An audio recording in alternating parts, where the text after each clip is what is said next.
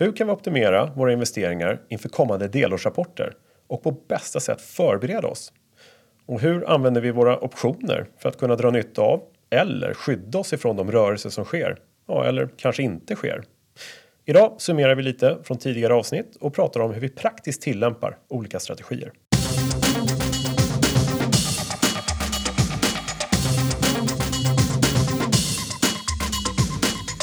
Ja, välkommen till ett nytt avsnitt av Optionspodden.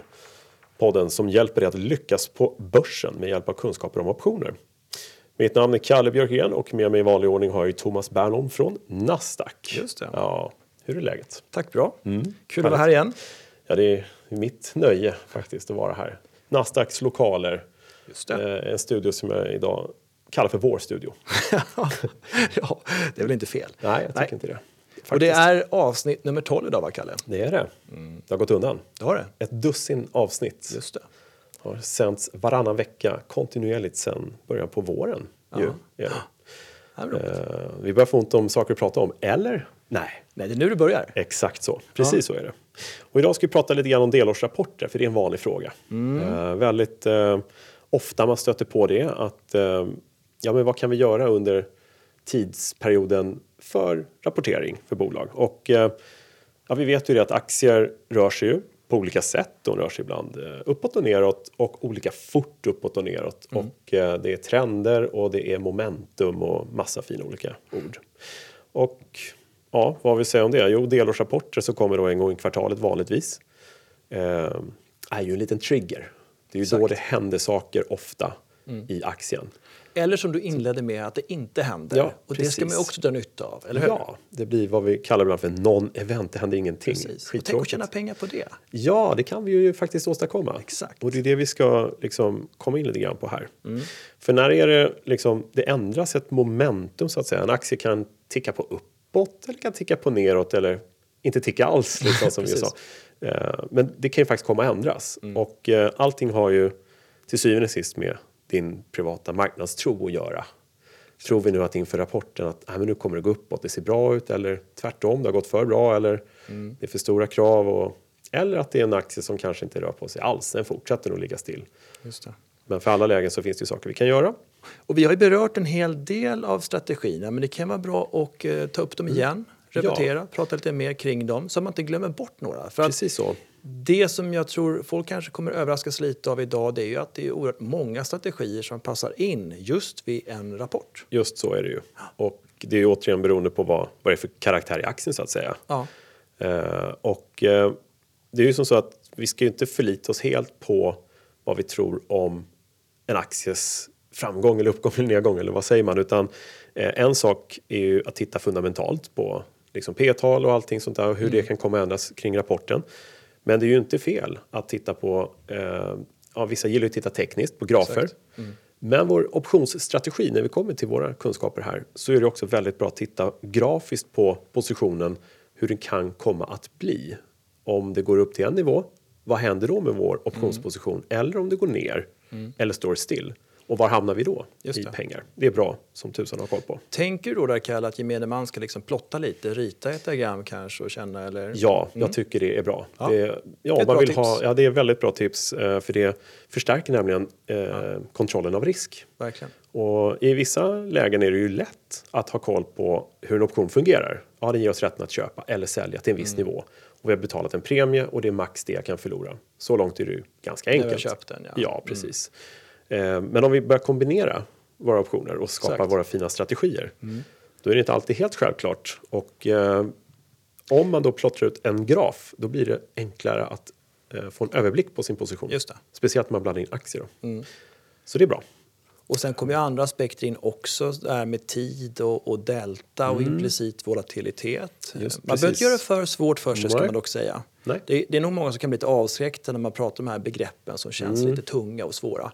Men jag menar egentligen, gör du till exempel en covered call då känner du bara så här, okay, jag är nöjd med den nivån och jag är nöjd med premien jag får in. Ja. Alltså utfärdar jag köpoption mot ett innehav. det behöver inte vara svårare än så. Nej. Vill man göra det väldigt eh, vad ska man säga, raffinerat då kan man titta verkligen, okej, okay, implicita vållan har jag en uppfattning om. Den kommer mm. sjunka eller öka, därför väntar till den här punkten och så vidare. Mm, just det. Eh, men menar, det är inget måste. Men som du brukar säga, ska man optimera då, ja. då bör man ha lite koll på det. Liksom deltat kanske. Också. Ja, man vill ha alla bitar på plats så är det ju inte fel att titta på alla Nej. möjliga liksom bitar man har till sitt förfogande. Nej, och har man koll på detta också så behöver man inte få de här obehagliga överraskningarna kanske. Nej, och det är ju alltså helt enkelt en fråga om risk och som jag då gillar att säga optimering av våra portföljer. vilket är alltså helt enkelt ger oss en möjlighet att nå våra målsättningar. Mm. Uh, ja, det, sannolikheten ökar ju markant om vi har koll på så många bitar som möjligt. Ja, visst. Ja. Uh, men uh, så ja. delårsrapporter och strategier, det är liksom lite av dagens tema. Vi kör igång med det va? Ja. Bra. Vi måste ju börja med ändå att eh, presentera den så kallade strategiguiden lite kort här. Mm. Vad är det för någonting? Vad är det? Uh, ja, men det är ju vi, någonting vi har satt ihop faktiskt. Du och jag. Mm. Uh, en liten guide helt enkelt, en litet häfte. Som du har lagt upp på optionsbloggen? Ja, självklart. Ja. Där finns den. Helt enkelt ett litet häfte som presenterar ja, de vanligaste strategierna, ett eh, tiotal ja. eller vad det kan vara. Va? Och sånt var det vill minnas. Ja, så att vi utgår väl helt enkelt ifrån den, tycker jag, och ja. ser vad det har att bjuda. För det faktiskt kompletterar ju eh, en hel del eh, eller kompletterar, det sammanställer ju en hel del av det vi har pratat om Precis. i tidigare avsnitt. Och det summerar ja. lite, man, då kanske man inte mm. glömmer bort dem heller. Utan... Nej, och ger faktiskt fina möjligheter mm. eh, inför just delårsrapporter. Just det. Och har man möjlighet då kanske man tar och plockar fram den här guiden nu. En slags tvådimensionell mm. podd här, både bildligt och ljudligt. Det kan vi absolut göra. Aha. Och dessutom, ja, kan man inte det, sitter man på tåget eller på cykeln. Det, så, det är inte hela världen så. Men då kan man gå dit sen och Precis. ladda ner den och ha, bara ha, ja, få den helt enkelt. Den är gratis, väldigt gratis. väldigt gratis? ja. Jag trodde bara var lite gratis. ja, ja, jättegratis faktiskt. Härligt. Ja, vi börjar helt enkelt med att se men vi leker att vi har nu en eh, rapport ingående här. Vi har en aktie vi har under fokus och vi ja. har här en positiv marknadstro inför denna rapport. Ja. Vad gör vi då?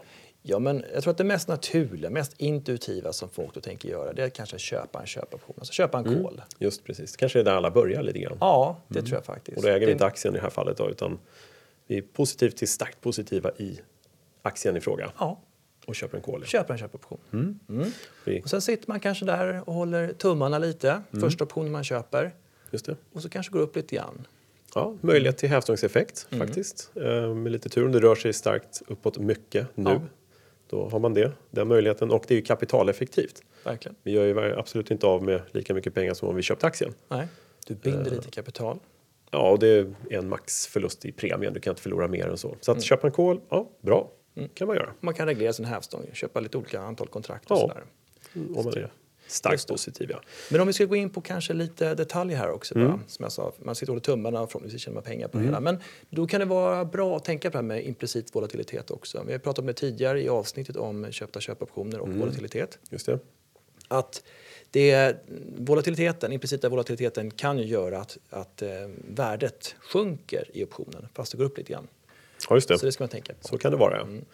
Um, och, allt annat lika, ja. Just. Mm. Och sen också vi blandar in det här med Delta till exempel. Mm. Glöm inte det. De, the money kanske man köper. Just det, vilket lösenpris väljer vi? Och sådär.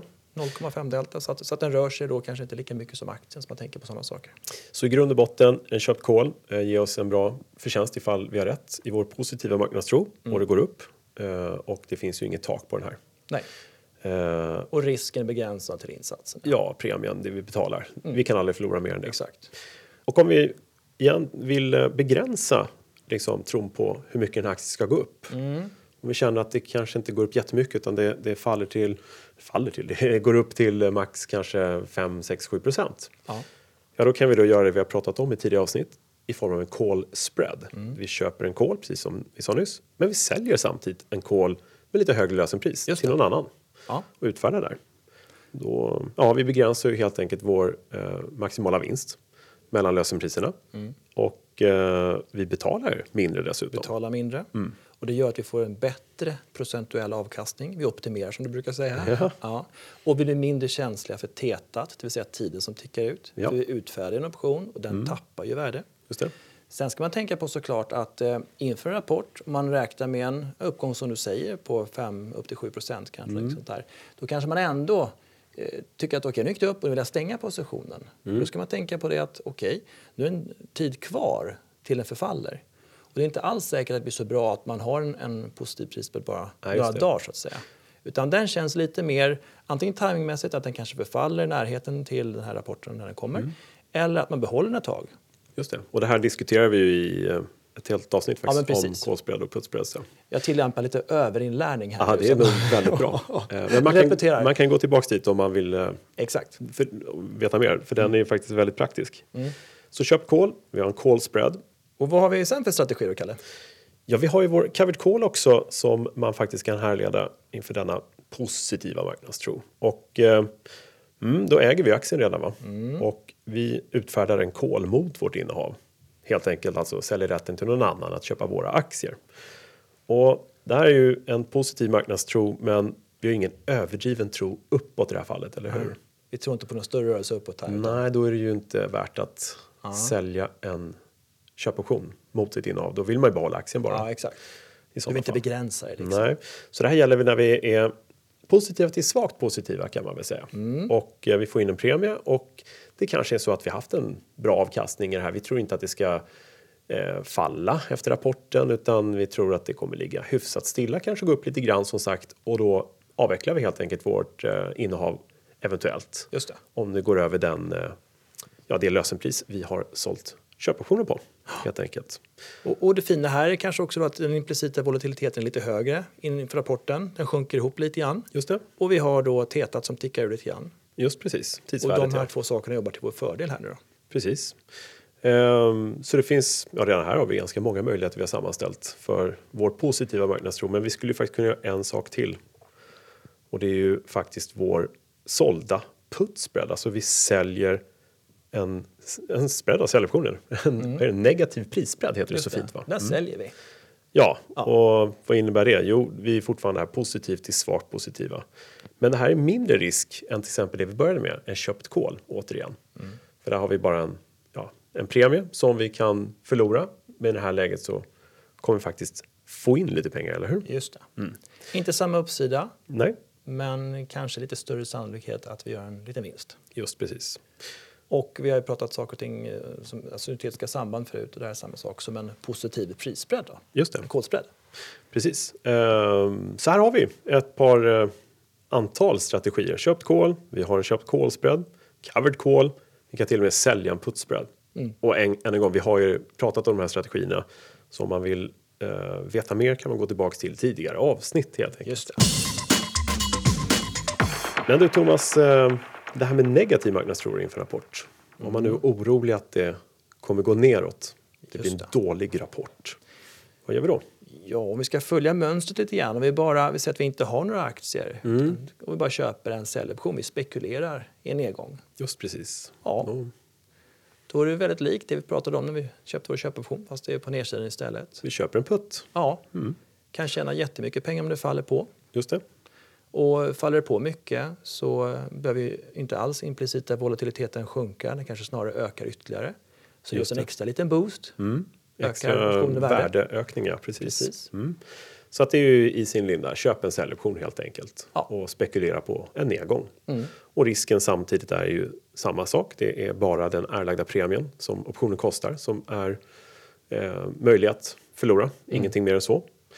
Uh, ja, så det är bra. Men om vi då tror på en uh, nedgång fast kanske inte riktigt så stor nedgång då. Den mm. kanske är begränsad. Kan vi då köpa en eh, putspread eftersom vi nyss kunde köpa en kolspread? ja, det tycker jag. Eller hur? Det finns väl ingenting som begränsar oss här. Nej. Och då köper vi kanske en säljoption. Kan vi bara ta ett lösenpris på kul? Vi brukar ligga mm. där vid 100. Vi tar och köper ja. en sån vid 100 mm. så kanske vi säljer den med lösenpris då 95 kronor. Till exempel. Ja. Exempelvis. Ja. Och vi binder då mindre kapital mm. än om vi bara köper Just en putt så att säga och inte säljer någonting.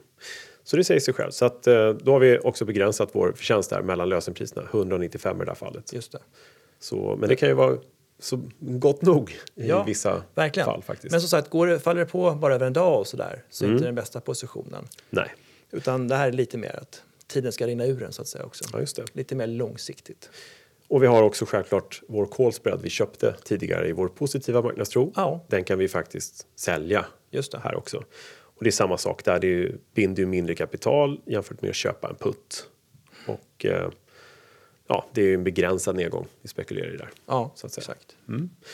Sen finns det en position som faktiskt, tror jag, i vår lilla folder står som en positiv marknadstro, men det kan man faktiskt härleda till även en negativ marknadstro. Det är ju den så kallade protective put. Bra, man får välja där. Ja. alltså. ja, men det är lite hur man definierar det. Det är ju som sånt, du äger aktier och det här kanske är det allra vanligaste. Man är rädd för att aktieinnehavet ska förlora värde under rapporten. ja, precis. Och det har vi sett några gånger att det blir väldigt dålig rapport och aktien går ner väldigt många procent. Och det är ju inte kul som aktieägare. Nej, Det man kan göra då är ja, helt enkelt köpa en säljoption, en försäkring på sitt aktieinnehav. Och därmed skapa en protective put. Inte en vanlig naken put som man har utan aktieinnehav, utan mot sitt aktieinnehav. Då. Och det är ju väldigt praktiskt. Ja, men det är jättebra. Det finns ju jättemånga anledningar till att man kanske vill behålla sina aktier. Ja. Alltså, om är man orolig ska gå ner, då ska man inte sälja aktier kanske. Mm. Men man kanske vill behålla dem av olika skäl. Man är långsiktigt positiv och så vidare. ja, men orolig för rapporten liksom. Det är jättebra. Och jag vill bara slå ett slag för veckoptioner här därför att eh, Ah. det kan ju faktiskt vara som så att den här rapporten den kommer på tisdag. Nu är det måndag och vi har en option som faktiskt förfaller på fredag. Mm. Och ju kortare löptid desto billigare option om vi ska köpa den. Och det finns naturligtvis även puttar som veckoptioner. Just eh, det. Säljoptioner. Så det kan ju vara ett tips. Men, Det är jättebra, för då betalar man ju inte alls mycket för tiden. nej, men det här återkommer vi faktiskt till tror jag framöver. Mm. Och, och överflödet att säga, det, det är såklart relevant på uppsidan också. Man köper en köpoption över rapport och man tror att det ska gå upp mycket och sådär. Så är det. Ja, precis. Ja, men bra att du tog upp det, Kalle. Ja. Ja. Så positiv marknadstro, ett gäng eh, strategier och negativ marknadstro i all enkelhet. Mm. strategier där också. Och då kommer vi till den stillastående marknaden. Just det, den neutrala marknadstron. Som är att det inte ska röra på sig alls.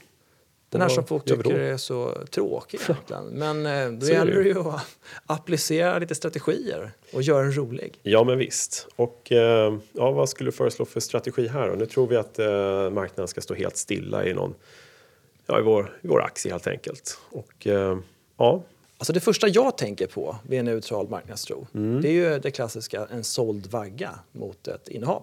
ja, men det är det nog för mig också. Man kanske är färgad och sådär av vad man gillar, men Ja. det är första jag Nej, tänker på också. precis, för det ligger stilla liksom. Det ska varken upp eller ner. Då utfärdar man en köpoption, Ja, bit upp. Det. utfärdar en säljoption, en bit ner. Just det, man säljer de båda olika optionerna helt enkelt. Och i det här fallet så har man aktierna då. då. Ja. Men eh, vad kul, det är det första vi kommer att tänka på. Men Mm. i, i vår lilla guide här så har vi faktiskt ett annat eh, förslag som kommer först.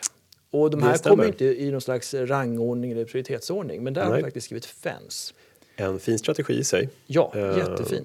Och på ett sätt kan man härleda den i neutral marknadstro förvisso, men det är som sagt inte det första vi tänkte på. Nej. Det är kul att kunna reflektera över det. Ja, kul att kunna vara lite självkritisk Ja, också. för tomtar som gjort den här. ja. Nej, men faktum är att eh, FENS, det är ju eh, komplement till en covered call. Så kan man kalla det också, ja precis. Så, så skulle jag se Ja. på det spontant. Ja. Och, och varför är det ett komplement? Jo, för risken i en covered call, där vi fortfarande äger aktien, är att ja, men aktien rasar och går ner. Den Mm. Exakt. Mm. risken äger vi fortfarande. Och då kompletterar vi helt enkelt eh, med att köpa en säljoption någonstans lite längre ner. Just det. Så att vi eh, skyddar oss mot ett sånt eventuellt ras. Ja. Men om det nu ligger stilla här, en neutral marknad, ja, då kommer vare sig den här säljoptionen vi just köpte som skydd eller vår call vi har utfärdat i vår covered call eh, reagera. De kommer ju falla värdelösa. Och eh, ofta så har vi faktiskt en liten premie in fortfarande när vi gör en fens med lite tur. ja, beroende på vilken strike eller vilket Naturligtvis. lösningsmedel- Ja, precis. Eh, någon krona in i alla fall. Ja. Och eh, ja, gör man en sån strategi i form av en fens och man får en liten premie in, ja men då tjänar vi helt enkelt på en neutral marknadstro i det här fallet. Mm. Så det är nog så, eh, jag vet, så är fens beskriven på olika ställen och det är ju därför den är på, eh, även i vår folder under en neutral marknadstro. Men som sagt, väljer man en annan strike, en annan lösenpris där som är dyr, därför man känner att man vill skydda sig at the money eller kanske sådär. Ja, då är det nog kanske inte så väldigt många kronor man får över, Nej. om man ska vara helt ärlig. Exakt. Eh, Men man förlorar ju inte heller då, man är skyddad. Så Mm. att eh, marknadstron kan ju fortfarande vara neutral så att säga. Just det. Men FANS är också ett ypperligt komplement till en protective put. Att du, att du Så, finansierar din innehavda put eller inköpta put med en utfärdad köpoption. Så är det ju också. Just Ja. Men FANS, alltså i en neutral marknadstro, har Mm. det gått upp en bit till exempel, man kanske vill låsa in en vinst, man tror att det kommer ligga ganska stilla så man är beredd att begränsa uppsidan men man samtidigt bara försäkra sig om att eh, inte förlora på nedsidan. Nej. Så det jättebra. Här skulle jag vilja slå ett slag också för att titta på den grafiska eh, slutgrafen. Verkligen.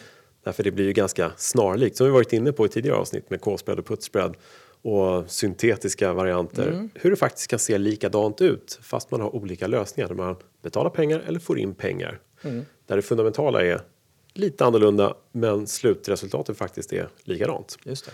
Så det är lite att fundera på där. Det är, ja, Ja, men det är väl, ja, vi kan lämna FANS därhän tycker jag. det tycker jag. Ja. Hänvisa till Och tidigare avsnitt i Vi pratade ju om den första strategin vi båda kommer att tänka på var ju såld vagga mot innehav. Mm. Och bara ett par ord till om den är ju då att man är beredd att sälja en bit upp, man är Mm. beredd att köpa fler aktier en bit ner. Just det.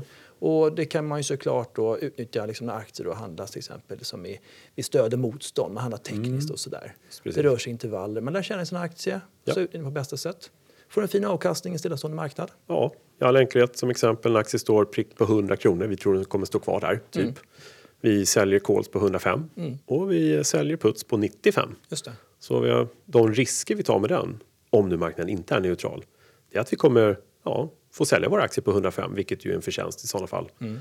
Eller köpa ytterligare aktier på 95, och det, vilket kan vara ett ganska bra, attraktivt Exakt. Och pris. för det har vi fått betalt. Ja, Jag just det. tror att i vårt tidigare avsnitt hade vi en premie på 3 kronor per respektive option. Så var det ju, Jag kanske. tror det. Ja. Mm. Ja, så att i praktiken säljer man då på 105 plus 6 kronor. Precis. Det där är en strategi som är populär. Den är lätt att förstå sig på. Den har god riskkontroll. Mm. Eh, ja, och kanske därför vi gillar den och därför vi tänkte på den direkt. jag tror det. Eh, man kan ju förstås också, ska vi nämna, neutral marknadstro. Man är väldigt säker på att det ska vara stilla. Sälja en vagga utan att ha innehavet. Just det. kan man göra. Ja. Eh, där tar man ju en viss risk förstås om det blir fullständigt fel. ja, om det kommer går, ett, ett bud på detta bolag eller någonting sånt där. Det sticker Ja. upp väldigt mycket. Eller en total vinstvarning. Ja, eh, fast Det- å andra sidan i, i exemplet med aktier då förlorar du på aktierna och, och du förlorar på den Stämmer. optionen. Så att, Det stämmer framförallt uppsidan skulle jag säga, att det är där man tar risken. Och från vagga till strut, det är samma sak där. Vi säljer både kol och putt fast i det fallet så är det samma lösenpris och därför heter det strut och Mm. inte vagga. Varför heter det så? Jo, det är för att grafen ser ut som en strut. Eller grafen ser ut som en vagga. Men i det fallet så, ja, där gäller det att inte rör på sig likadant på samma sätt. Då. Då är man lite mer precis Mm. i sin marknadstro. Det kommer ligga blickstilla nästan. Alltså. ännu mer viktigt att det ligger väldigt stilla. Ja. Ja, precis. Men man får mycket mer i premie Ja, å andra sidan. så är det man ju. får bättre betalt. Så här har man lite att välja på, ett litet eh, smörgåsbord, neutral marknadstro. Vi har ja, såld vagga mot innehav skulle vi kanske rekommendera att kolla på först. Mm. Eh, I andra fallet, ja, vanlig såld vagga. Och om vi lägger till den här aspekten också inför en rapport så kan vi då kanske dra fördel av ett högt värderade optioner som tappar i värde när vi har sålt dem. Precis, så kan det vara. Ja. Från neutral marknadstro till tvärtom, en volatil marknadstro. Då. Mm. då har vi nog täckt det mesta sen. Vi har haft uppgång, nedgång, stillastående och nu väldigt rörlig marknad. Just det. Det innefattar både upp och ner. Vad kan vi göra här då? Ja, det, det första jag tänkte på här kanske det var just det du avslutade med där va? Med en strut. Just det. Så den är gångbar även här. Just precis. Jag tänkte faktiskt på den också, men jag brukar faktiskt varna för att köpa en strut. Ja. Av den anledningen att om man köper både en kol och en putt, samma lösenpris. Det låter ju bra. Det är bara rör på sig, gå upp eller ner. Men vi behöver väldigt starkt volatil och rörlig marknad Sant. väldigt snart. Verkligen. Och det är allt för många gånger jag har sett att det inte resulterat i någonting alls. Det är för stora rörelser vi kräver. Och det är klart, hittar vi en aktie som rör på sig oerhört mycket Ja, då är det ju större sannolikhet förstås att det kommer röra sig mellan lös, liksom, eh, ja, från lösenpriset tillräckligt mycket uppåt. Så vi får tillbaks den premie vi har betalat i de båda optionerna och mer därtill. Men om vi har en sån aktie med den karaktären då kommer optionerna samtidigt vara mycket, mycket dyrare. Mm. Så det är ännu mer rörelse vi behöver. Så det behöver bli ännu mer volatil röra på sig. Så att, eh, något vad man- att tänka på. Ja, och man kan säga då ska man köpa en strut då bör man titta på lite längre löptider där vegat, Det som på, alltså hur optionerna ändras i pris efter hur implicita volatiliteten ändras. Mm, just det. Alltså man tar lite längre löptider. Det kan ju handla om ett mm. halvår, ett år rent av eller sånt där. Just det. För då får man lite mer utslag av eh, en, en eh, förändring. Och då har vi ju förstås tetat att tänka på också. Som Just varje det. dag är minus. Just det, att det tickar ut lite ja. tidsvärde varje dag. Så att de går hand i handske så att man inte sitter och bara tappar pengar. Nej men precis. Ja, men just då, då, blir det mer kanske att man bara tror på en generellt eh, ökad implicit volatilitet mm. och då köper man den här struten. Just det. Och light-versionen av struten, det är helt enkelt det vi pratade om nyss också. Är det bägare det? ja, en, en ja, flabbnoja i podden. Uh -huh. uh, det är ju vaggan Just såklart. Mm. Och det är ju, ja, det var, jag kommer ihåg vad en, eh, en eh, kollega på tradingdesken som jag en gång kallar för eh, fegisversionen av en strut. Ah, ja, ja. Därför man har inte samma strike, man har ju lite lägre och högre lösenpriser. Just så man det. betalar lite mindre helt enkelt. Ja. Sådär. Men samtidigt så krävs ju en större rörelse också, det, ja, åt ändra hållet. Och det gäller att man har koll på de här bitarna eh, var break-even-punkterna finns mot betald premie och, och lösenpriser helt enkelt. Ja. Och har man koll på det och är komfortabel i sin marknadstro, för det är ändå det vi pratar om, marknadstro inför en delårsrapport. Ja, men då är det naturligtvis fritt fram. Men man, så länge man är medveten om riskerna så att säga. Mm. Mm. Och nu pratar vi, kanske ska läggas till, eller tilläggas också att vi, vi pratar om bara optioner här, eller hur? Vi har inte några aktier inblandade i det här läget. Nej, stämmer det. Det här är inte mot innehav. Och eh, den här köpta vaggan skulle också säga så att eh, är det en volatilitetstro man har, en ökning i volatiliteten och implicita volatiliteten. Mm. Så även här såklart får man titta på lite längre löptider där Precis. Vega, vegat spelar en större roll. Volatilitetsfaktorn där ja. Mm. Så att volatil marknadsro så långt, köpt strut, köpt vagga. Det är ju självklart två strategier som används då och då. Uh, men vi har ju, ja det finns ju fler saker att göra. Vi har ju i tidigare avsnitt pratat om en så kallad call back spread. Mm. Och uh, ja, vad är det? Det är när vi har en starkt positiv och volatil marknadstro. och det här har vi pratat om tidigare. Det är som att när vi köper två köpoptioner och säljer en annan. Just det. På en annan nivå. Mm. När vi ändå förhoppningsvis får in några kronor och ören. Ja. Och vad händer då? Det är en rätt kul effekt faktiskt. Ja. Och, och, tanken här är, är väl att eh, finansiera de här köpta köpoptionerna. Vi tar en, en positiv sån här ja. Eh, callback spread. Mm. Och eh, vi finansierar de köpta köpoptionerna med en såld köpoption. Ja. Och, och dubbelt så många har vi alltså köpta köpoptioner.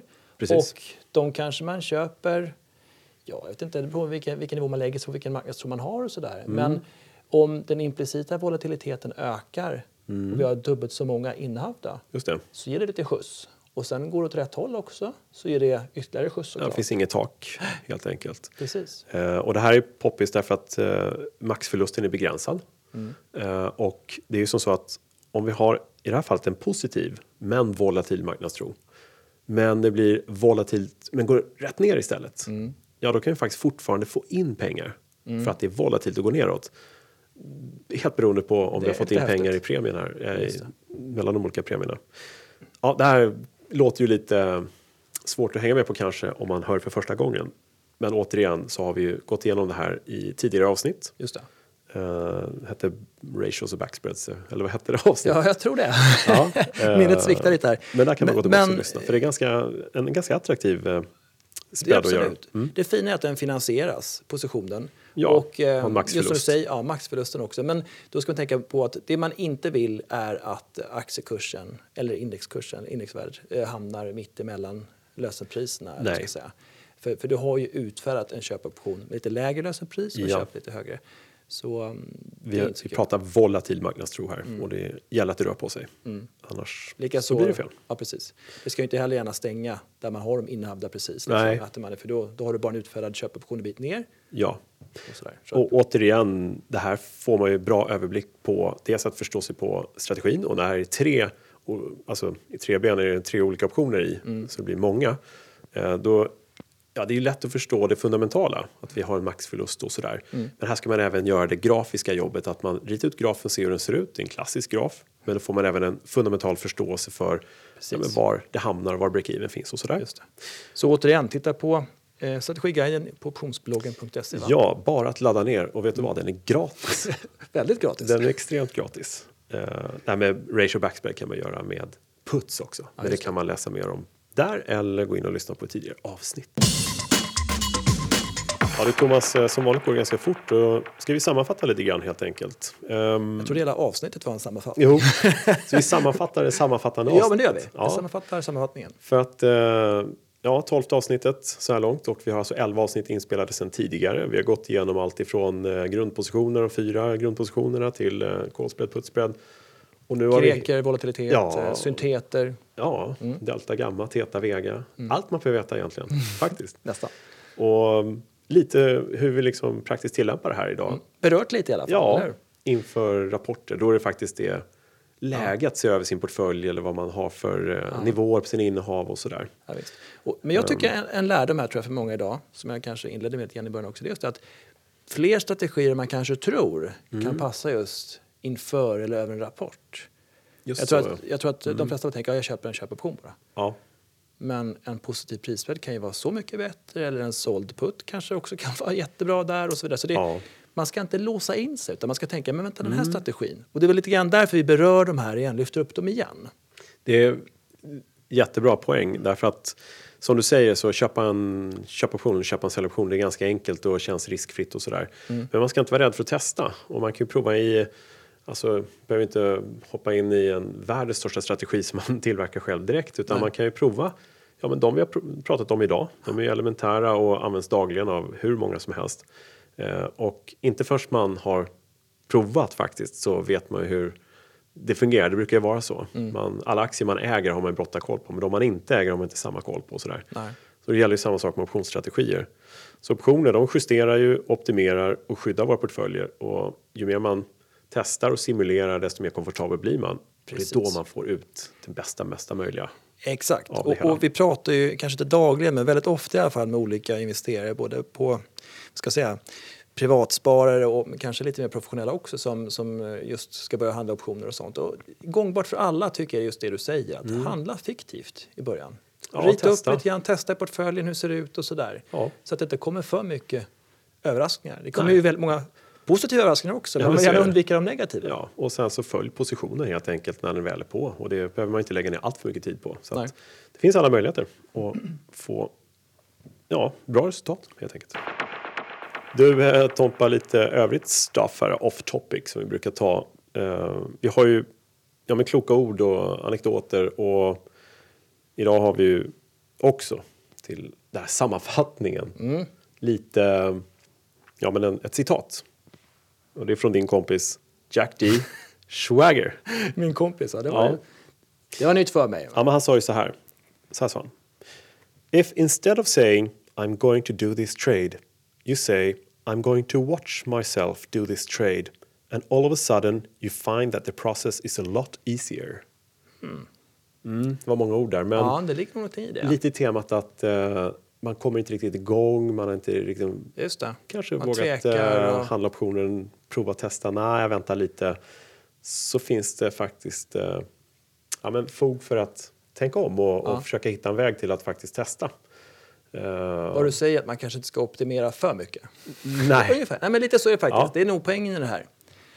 Nu en av poängerna. Ja, men lite så. Ja, precis. Uh, nu kommer du in på min uh, Racers, uh, Ockhams Racer. Just det, den där ja. ja. Rent spontant tänkte jag på den. Det är ju det att uh, man hittar hundra lösningar för ett problem. Ja. Men i slutändan så kommer man fram till att det alltid är den första, bästa, enklaste lösningen som är rätt svar. Just det. Typ. Uh, det kan också vara så, så man ska inte göra det för svårt för sig. Men vi ska inte vara sådana. Är, man behöver vissa kunskaper för det här som vi försöker dela med oss av. Mm. Och uh, med lite tur så uh, kanske det ja, lyckas. Ja, precis. vi kanske liksom lyckas inspirera på något sätt i alla fall att kunna klara av att göra bättre affärer. Du, eh, tiden rullar på och det är dags att avsluta dagens sammanfattande pass. Mm. Och eh, vi kan ju bara avsluta med att säga då att läs mer om allt det här på optionsbloggen.se. Gå in på optionspodden.se för feedback om du vill höra mer om och eh, ja, om några frågor om optioner och terminer eller derivat.